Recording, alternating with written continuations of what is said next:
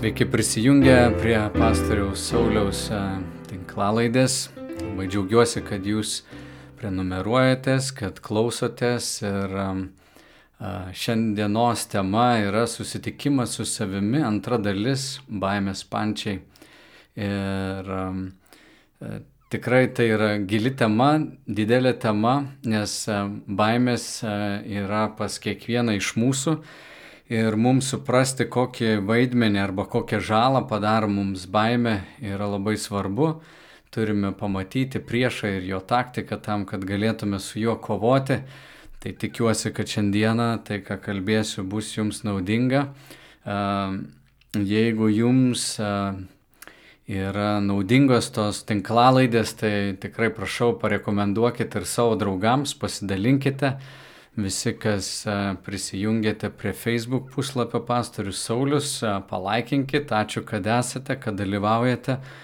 Mintis yra tokia, kad tas kanalas būtų jums naudingas ir aš stengiuosi atsakyti jūsų klausimus, kuriuos parašote. Jeigu paliksit savo atsiliepimą ar užduosit kokį klausimą, tai pasistengsiu būtinai atsiliepti, jūs galite pasiūlyti ir savo temas kokios jums būtų įdomios. Mano gyvenimo pašaukimas yra pažinti Dievą ir noras yra tiek pačiam artėjant prie Dievo, padėti ir kitiems atpažinti tą kelią, kaip Dievas veikia jų gyvenime, ką Dievas daro juose, o gal kai kurie tiesiog yra ieškantis, jiems yra įdomus dvasingumas bendraja prasme ir krikščionybė jiems visada buvo neaktuali, galbūt viduramžiška ir senoviška.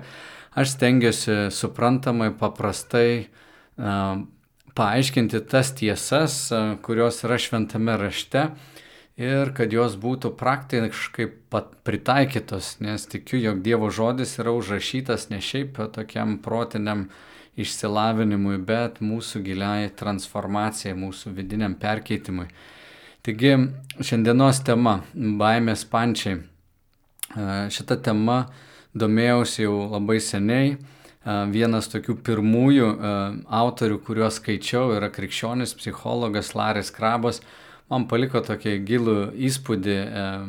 Kažkada visą tokią pamokslų ciklą dariau apie padrasinimą kaip užkurti žmogų, kaip, kaip jame atsiranda jėgų kurti, veikti ir eiti ir vaidmenį, kokį vaidmenį atlieka baimė arba kaip baimė trukdo gyventi. Ir čia grįžtame prie pirmųjų tų ištakų um, Biblijoje, trečiojo skyriaus pradžios knygos, kuriame um, užrašyti tokie žodžiai, kai Viešpats Dievas jau žinojo, kad Adomas ir Jėva pasirinko savo kelią patys išbandyti būti kaip dievais. Ir tas perspėjimas, jog jie mirtimi mirs, jau realizavosi. Ir Adomas ir Jėva pirmą kartą pasijuto naujoj tikroviai. Čia parašyta nuo trečios skyriaus devintos eilutės, kad viešpats Dievas pašaukė Adomą tokiu klausimu, kur tu esi. Žinoma, Dievui buvo aišku, kur yra Domas, nes jis yra visagalis, jis e, visur esantis, jis yra aukščiau laiko ir erdvės ir jisai žinojo, kas vyksta Adomo mintyse, jo prote. Tas klausimas buvo užduotas pačiam Adomui susivokti, kur jis yra ir kas su juo atsitiko. Ir Adomas atsiliepia ir sako, išgirdau tavo balsą ir išsigandęs, kad esu nuogas, pasislėpiau. Čia matome tris dalykus, ką Laris Krabas įvardina, tai yra dominuojanti emocija, motivacija ir strategija. Taigi tas žodis išsigandęs yra dominuojanti emocija, kuri pirmą kartą Adomo gyvenime pasidarė tokia akivaizdi, jie aplankė jo širdį, ko anksčiau jisai nebuvo patyręs, būdamas tobulame santykėje su Dievu ir su savo žmona, Biblija taip gražiai prašote viena gražiausių švento rašto man eilučių, kur vyras ir moteris, e, vyras ir žmona stovėjo vienas prieš kitą nuogi ir nesigėdija. Ir čia kalbame, manau, ne tik apie fizinį nuogumą jų, bet apskritai tokio pažeidžiamumo būseną, kai jie neturi vienas nuo kito ką slėpti, neturi kuo įsiteikti, jie yra permatomi, pažeidžiami, bet ir gyvena tokioj fantastiniai e, vienoviai, vienybėje, du tapę vienu. O čia mes matome jau naują tikrovę ir ta dominuojanti emocija e, užpuola juos, jie išsigasta, jų motivacija yra jų nuogumas, jie pajunta, kad yra nepakankami ir kad kažkas atsitiko su jais, ko anksčiau nebuvo.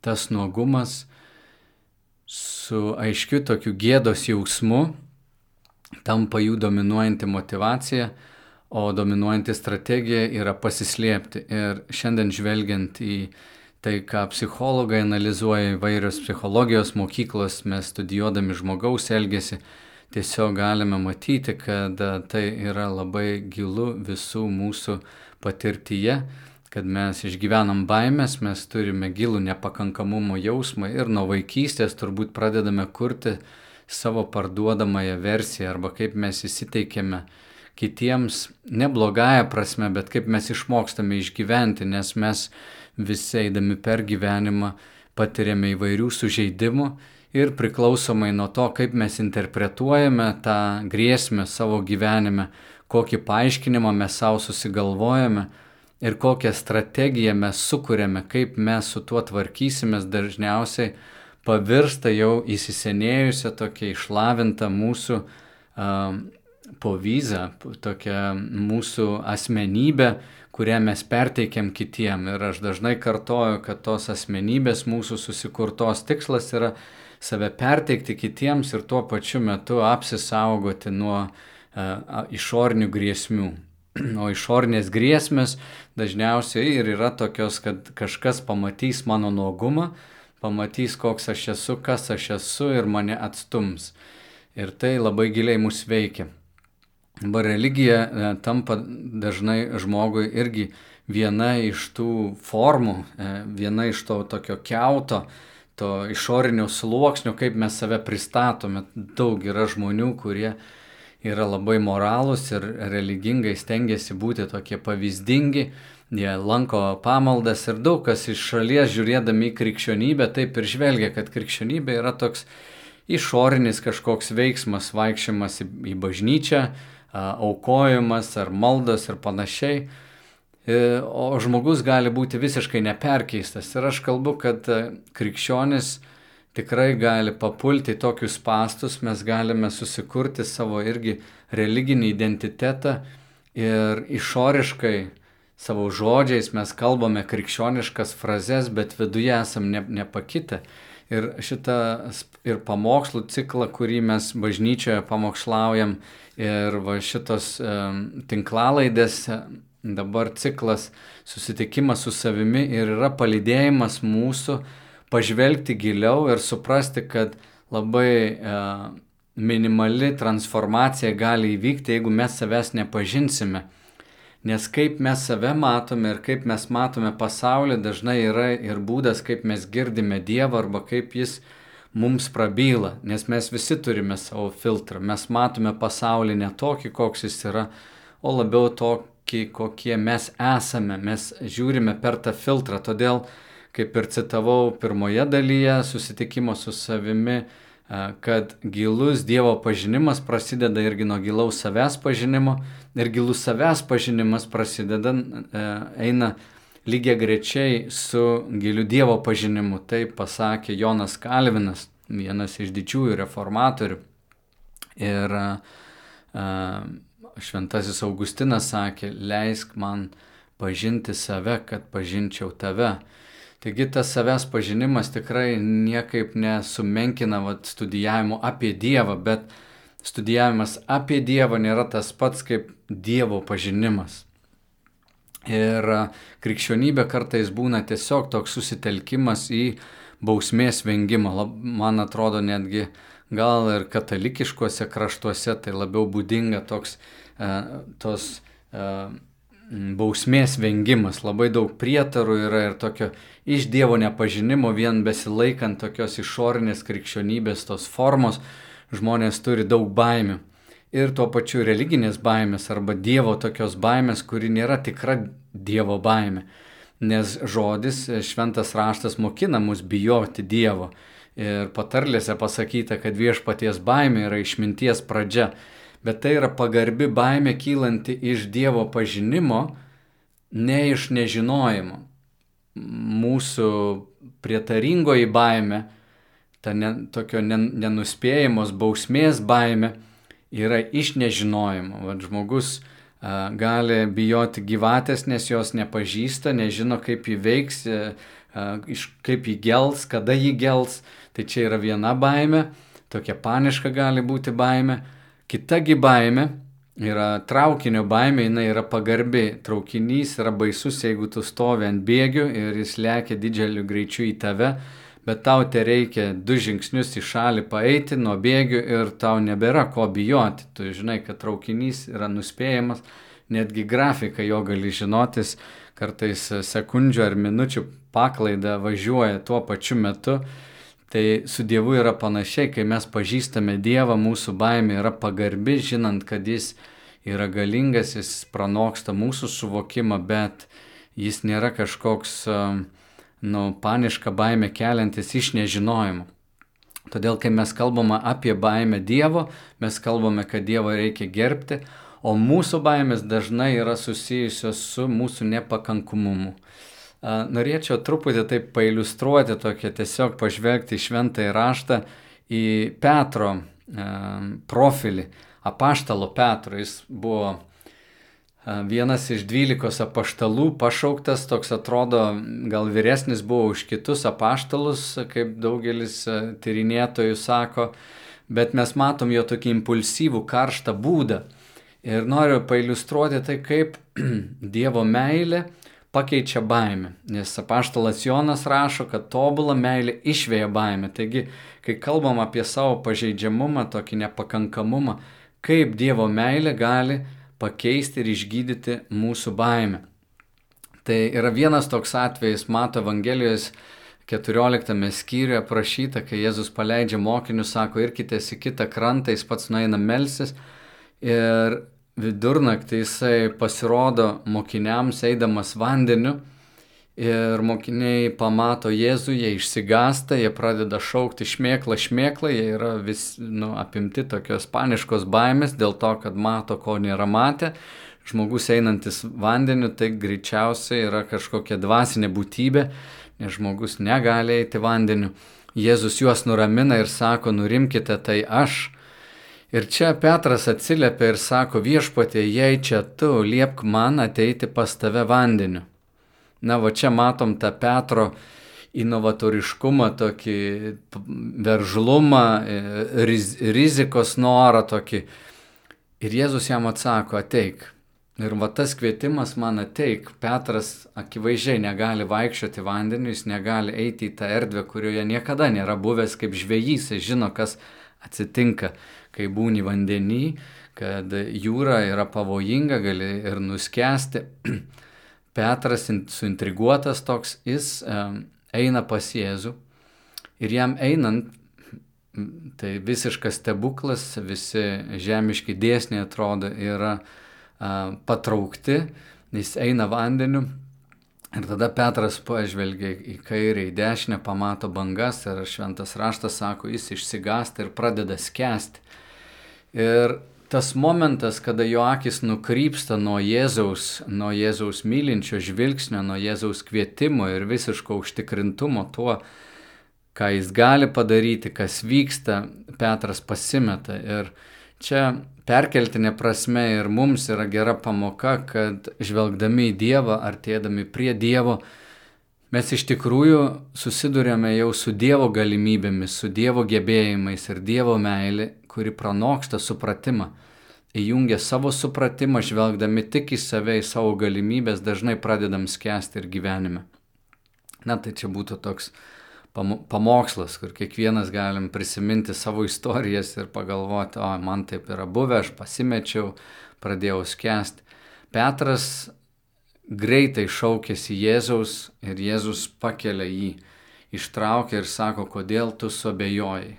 Kodėl suabejoji, kodėl tu savo dėmesį nukreipiai į bangas, savo dėmesį nukreipia į savo negebėjimą vietoj to, kad pasitikėtum manimi, e, toliau tikėtum, remtumės į mano gebėjimus, mano kvietimą, į mano už, vat, galę.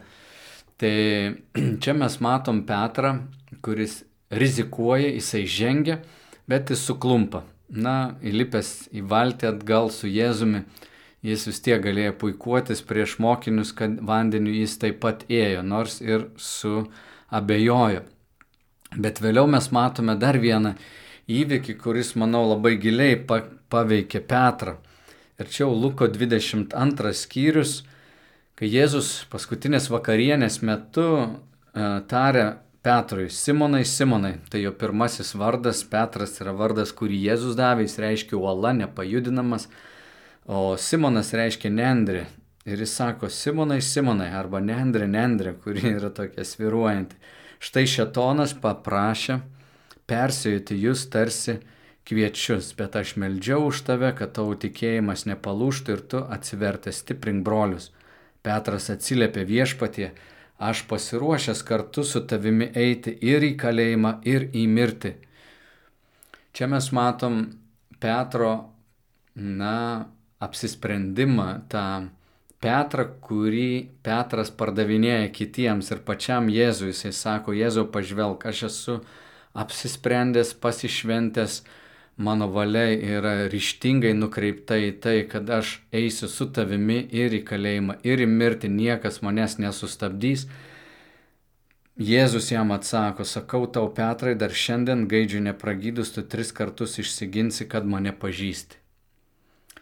Taigi Jėzus mato Petro pažeidžiamumą ir jeigu Petras sako, aš susitvarkysiu Jėzau, tu manim dar didžiuosias pamatysi, aš esu kietesnis už kitus mokinius, tai Jėzus jam sako, ne, nejuokauk, nejuokauk, Petrai, tu manęs dar šiandien išsiginsi. Ir mokiniams tai nesuvokiama, pačiam Petrui nesuvokiama, mes tik žinom, kad susiklošius tam tikrom aplinkybėm iš mūsų išlenda tai, kas yra mumyse, kaip citrina išspaudus. Tu matai, kokios sultys ten veržiasi, kas ten yra viduj ir panašiai yra su mumis.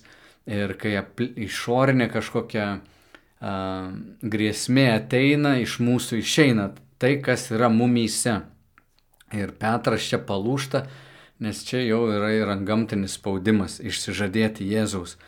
Tai čia galima būtų pasakyti, kad Petro įvaizdis, kas jis yra, kaip jis save mato ir kaip jisai mato kaip jis save parduoda kitiems, pristato kitiems, vat visas tas imidžas, jis yra sugriaunamas, jis sulūšta.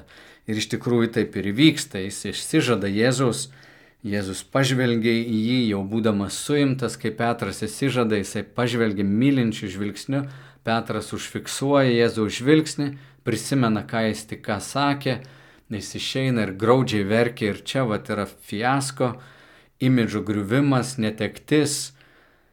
Ir tai yra palaimintas momentas, tai yra fantastinis momentas, kada žmogus gyvenime gali tai išgyventi.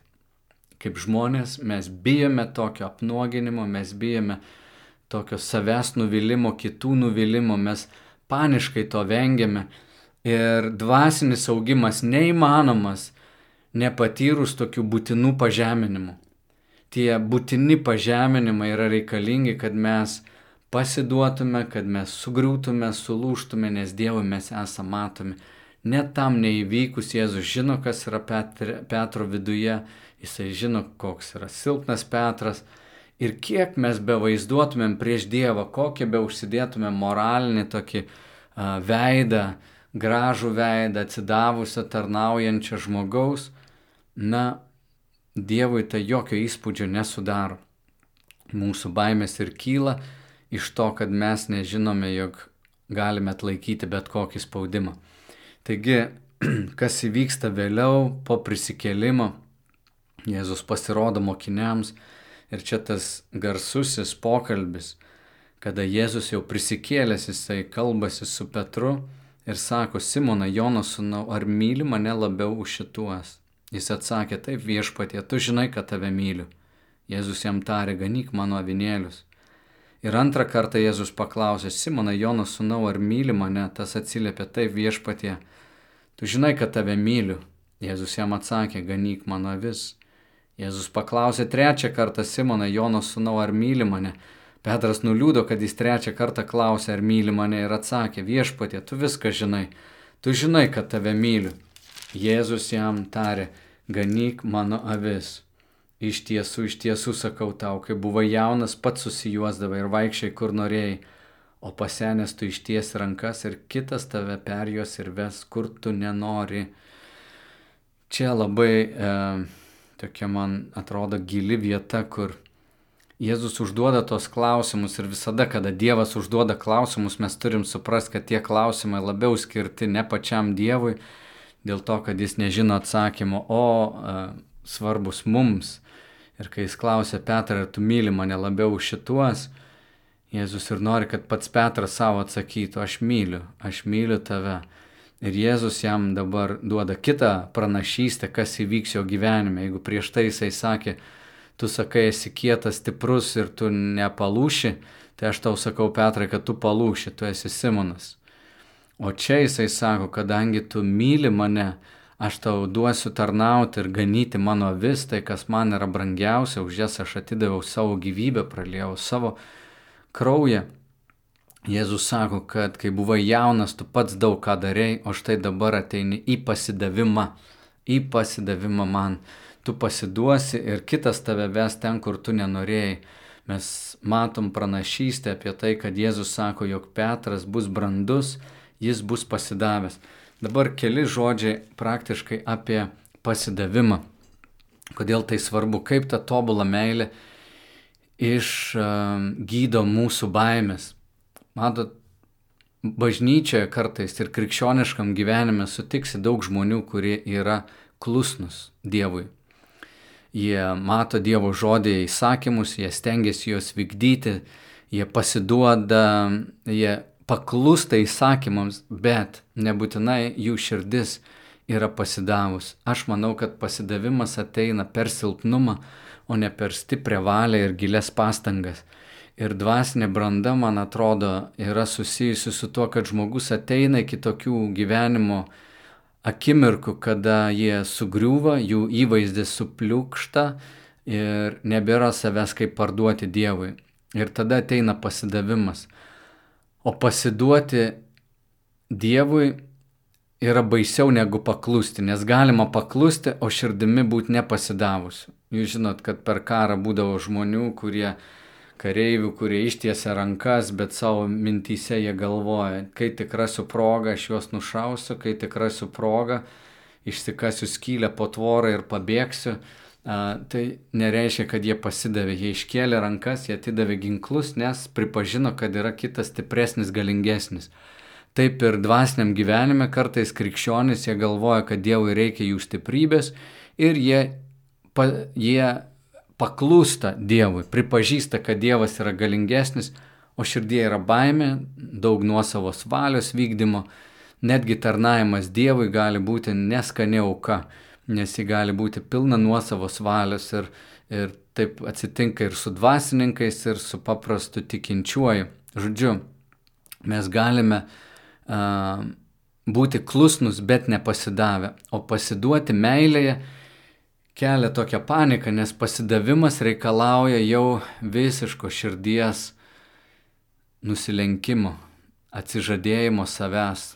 Ir čia Jėzus sako, jei kas nemirs, kaip grūdas neįkris į žemę, jis neduos vaisiaus. Čia yra tas stebuklas dvasiniam gyvenime, kad pasidavę Dievui, pasidavę jam, kas mes esame, su savo trūkumais, su savo nepakankamumu, mm, mes atrandame tą malonę iš Dievo ir suprantam, kad Dievas visada mylėjo, visada jis mus gali įgalinti, pastiprinti ir pasiduoti meiliai yra sudėtingas dalykas, iš kitos pusės galbūt paprastas, e, ta prasme, kad kai nebeturim kur eiti, kai nebėra ką daugiau daryti prieš Dievą, mes pasiduodame.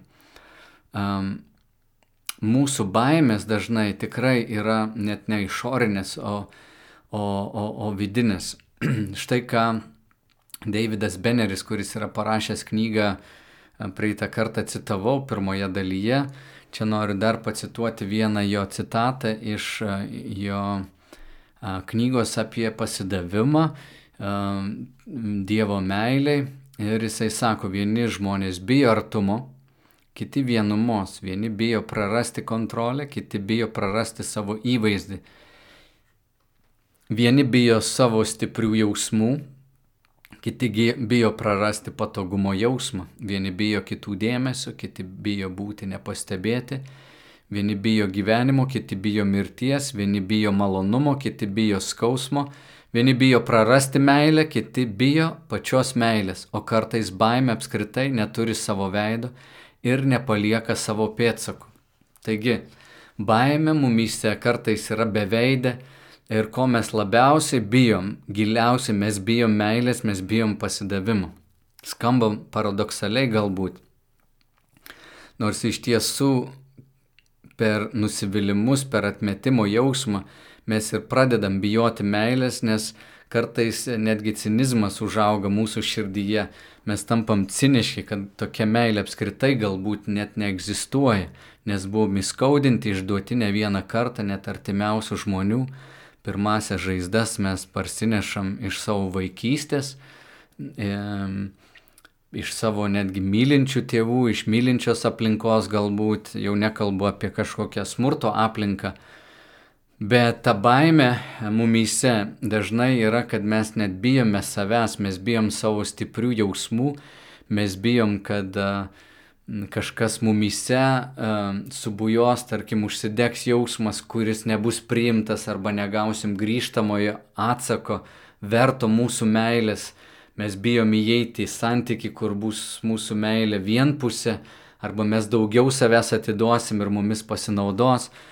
Žodžiu, tos baimės jos yra giliai mumise viduje ir jos labiau kartais susiję yra su mūsų vidiniu konfliktu negu kažkokie išoriniai baimės šaltiniai. Ten aukščio baimė, gyvatės baimė ar kito žmogaus, kokio nors smurtautojo baimė. Jis pavojus gali tiesiog būti mūsų viduje. Priešas yra dažnai pats žmogus arba dalis jo paties. Um, tai kas gali mus išgydyti va iš tokio nepakankamumo jausmo ir tos gilios vidinės baimės? Tik tobulą meilę. Dievo meilė skiriasi nuo visų kitų meilių. Dievo meilė, kurią mes pažįstame per Jėzų Kristų, yra išskirtinė, yra tobula, prie jos negali nieko pridėti, ji nesuinteresuota, ji uh, nėra susijusi su mūsų elgesiu, Ir čia labai svarbus dalykas, kur religinės praktikos dažnai tiek turi darbų, programų, visokių įstatymų, vykdymo ir panašiai, tai Jėzuje Kristuje mes matome visišką malonės išsipildymą, kad jis priima mus, kol mes esam netobuli ir Jėzus sako, aš atėjau a, nesmerkti, ne pažiūrėti, kaip jūs vykdot ar nevykdot įstatymą, aš atėjau gelbėti to, kas pražuvę. Aš atėjau ieškoti, surasti ir gelbėti tų, kurie yra pražuvę.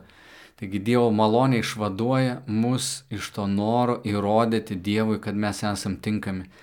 Ir man dažnai parašo, vat, ir paskutinės tos savaitės žmonės rašo, aš visą gyvenimą tarnauju bažnyčią, net nežinau kaip sustoti, kai žvelgiu į Dievą arba nu, noriu įsivaizduoti, kad Dievas mane myli, aš matau tik tais jo piktą veidą. Tai tokia įprasta istorija, kad kažkaip bažnyčiose mes turbūt pamokslaujam ir čia kalbu jau kaip ir savo, ir pamokslininkam, kad jeigu tas pamokslas, kurį mes pamokslavom, verčia žmogų jauti, jaustis menkesniu ir kad jis turi eiti dabar sunkiai dirbti ir atidirbti ir kažkaip įsiteikti Dievui, mes nutolom nuo Dievo malonės. Evangelija pati iš savęs yra tokia gera žinia, kad Dievas pamilo nusidėjėlius ir praktiškai aš taip vertinu, kad pamokslą, kurį aš pasakau, jis turėtų sukelti tokį jausmą, kaip ir Pauliaus laiške romiečiams kyla tie klausimai, na jeigu Dievas jau toks geras, jeigu tokia malonė, tai Hebra varom nuodėmiauti, tada puolam visi, žodžiu, tai mes galim daryti, ką norim, nes kuo daugiau pridarom nuodėmių, Dievas mum atleidžia, tuo labiau jis gailestingas pasirodo, tai varom nuodėmiauti. Ir Paulius sako, nu, Iš vienos pusės taip, bet nebūkit kvaili, jeigu jūs darysit nuodėmę, jūs papulsit vėl į vergystę nuodėmės. Bet šiaip tai tikrai taip, kad kai mes suklystam, kai mes krentam, kai mes esam nepakankami, net ne, ne tai, kad darom kažką nepakankamai, bet patys esam nepakankami, tokius Dievas mus myli, tokius visada matė, jis matė Petrą toj būsenoj, kai jis žadėjo labai daug ir matom Petrą, kai jis nuliūdęs ir galvoja, palauk, gal mano meilės Dievui neužtenka, Čia Jėzus toj silpnumo akimirkai sako, ne, Petras, tam viskas ok, tu būsi tas, kuris visiškai pasiduos. Ir mes turime išmokti priimti Dievo meilę, būti toj kontemplatyvioj, tylioj, maldoj, nedaug kalbėti ir žadėti Dievui, bet išmokti būti jo akivaizdai, kad jo meilė mums būtų apreikšta, kad Dievas pats galėtų kalbėti mums mylinčius žodžius ir kai mes išgyvenam, jog Dievas mus priima tokius, kokie esam, tik šitą meilę, tiek kiek mes jos suvokiam, galim ją perduoti kitiem. Jeigu mes save plakam už tai, kad kažko nepadarėm, mes tą patį darysim kitiem. Principas toks, sužeistas žmogus žaidžia žmonės. Myli, mylintis save žmogus myli kitus mylėk savo artimą kaip save patį. Priėmęs Dievo meilę, aš galiu pradėti priimti ir kitą. Patyręs, kaip Dievas mane priima netobulai, aš galėsiu kitą priimti netobulai. Jeigu aš bandau užsitarnauti savo vietą Dievo karalystėje, aš tokią vietą pardavinėsiu kitiems. Ir pamokslininkas, kuris daug uh, pamokslauja ir stebuklais e, ir visokiais kitais išmintingais žodžiais žmonės kreipia link Dievo, labai lengvai gali savo tą įvaizdį perkelti ir kitiem, kad ir kiti turi tą patį daryti. Bet mūsų tas nusinulinimas, tokia ta, ta baseline, tokia visiška ta, tas pama, pamatas, ant kurio mes absoliučiai visi stovim. Motina Teresė ir tu ir aš, geriausi ir blogiausi krikščionys mes stovim ant malonės pamato, kad Dievas mus pamilo ir vien patikėję ir priėmė ir pasitikėdami juo mylinčių žvilgsniu, mes esame gydomi. Ir va tas savęs pažinimas labai svarbus, todėl um, viliuosi, kad ir ši tinklalaidė, šis įrašas padeda truputėlį atpalaiduoti mūsų įtampas ir pažvelgti į tas savo baimės ir atnešti jas Dievo akivaizdon ir nusimesti tą keutą ir pasakyti savo, kad man nebereikia pardavinėti savęs Dievui. Ir nuostabiausias dalykas, jeigu atrasta laisvė Dieve, gali mus atvesti link to, kad mes galim būti vėl pažeidžiami ir saugus ir nebijoti um, atsiverti ir kitiems žmonėms ir mylėti žmonės ir eiti į meilės santyki su žmonėmis. Tai va, apie tai daug kalba tokie žmonės kaip um, uh, Brené Brown, Stanfordo universiteto dėstytoja, bestsellerio autorė, tai užkabino va tokį tą pažeidžiamumo elementą ir gėdą, uh, tą nuogumo jausmą, kuris va išėjo į tą populiarėją visą verslo netgi uh, erdvę. Labai džiaugiuosi tuo, nes ji uh, kaip krikščionė pati uh, veda link tokio dieviško to principo, kad gėda yra išgydoma per pažeidžiamumą, atsiverimą, o ne savo jausmų slėpimą. Mano palinkėjimas visiems besiklausantiem, e, nustokim kurti savo e, socialinį įvaizdį, nustokim kurti tą tobulą veidą, e, nustokim vaidinti prieš save ir kitus, kuo greičiau mes nusilupsim va tos sluoksnius, tos keutus tuo laimingesni mes būsim ir tai yra kelionė link susitikimo su savo tikruoju aš.